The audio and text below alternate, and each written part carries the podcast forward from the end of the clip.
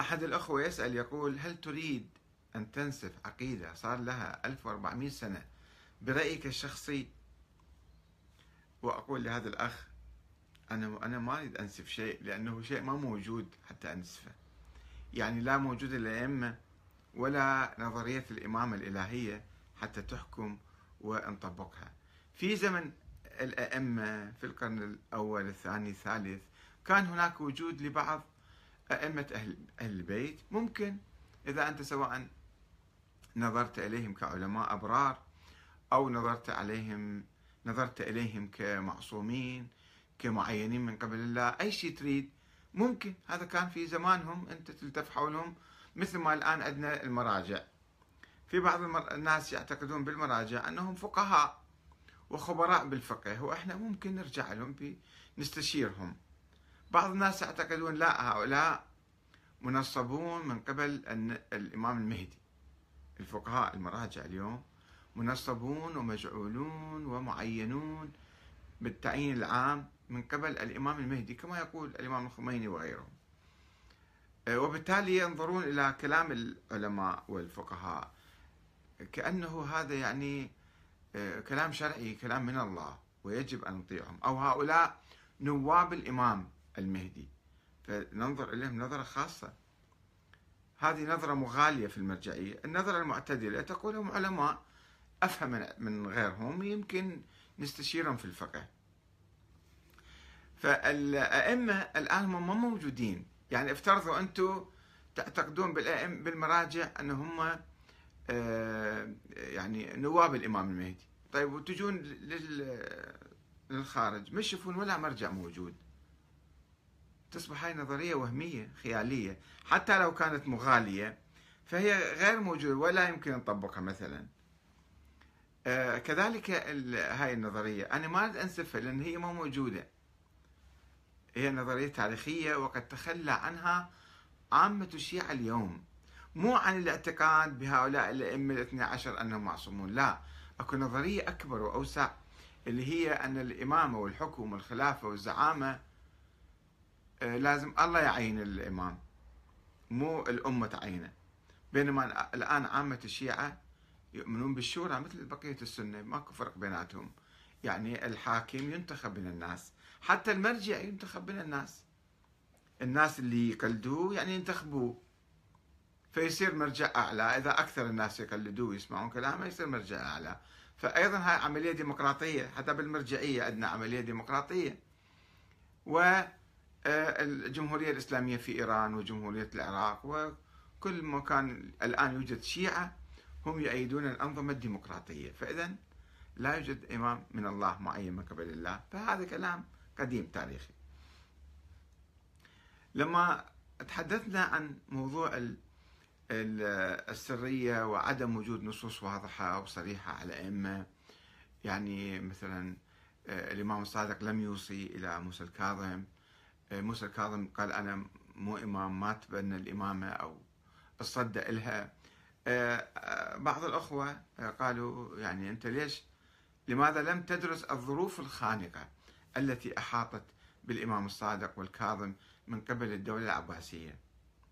طيب يعني الأخ يريد يفترض أنه الأئمة لا كان أكو نصوص موجود طيب هالنصوص الشيعة ما عرفوها. الشيعة ذيك الأيام تلاميذ الإمام الصادق والإمام الكاظم لم يعرفوا هذه النصوص. فإحنا نفترض أنه كان هناك ظروف قاهرة وخانقة منعتهم من الوصية. طيب بالنتيجة يعني مثلا هم الشيعة نفسهم يذكرون.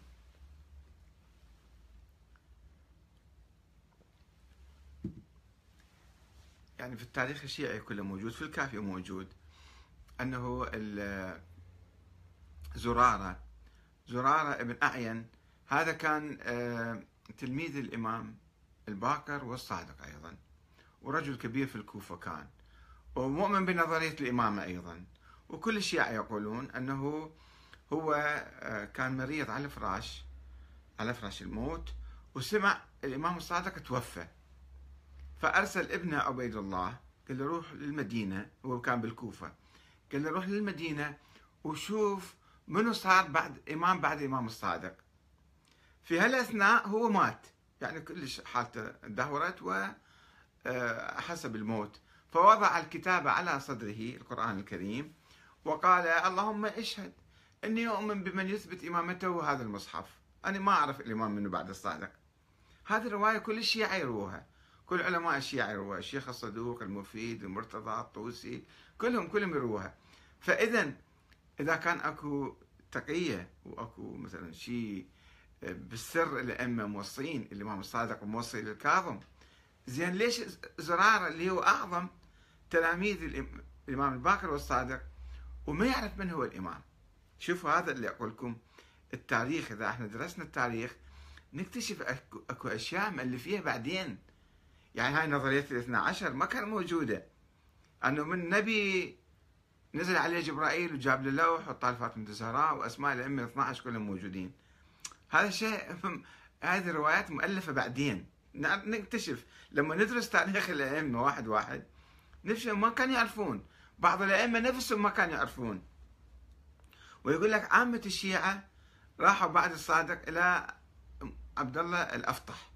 أكبر أولاد الإمام الصادق. واعتبروه إمام. زين اذا اكو موجود.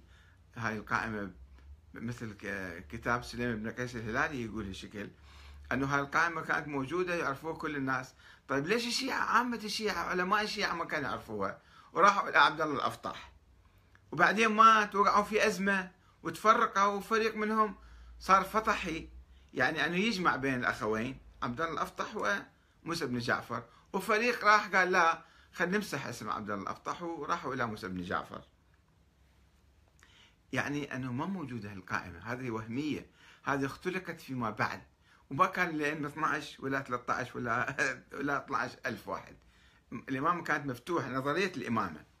فلذلك إحنا عندما نريد نعيد دراسة تاريخنا ونعيد نتعرف على مذهب أهل البيت اللي علمائنا ومراجعنا يطمطمون عليه.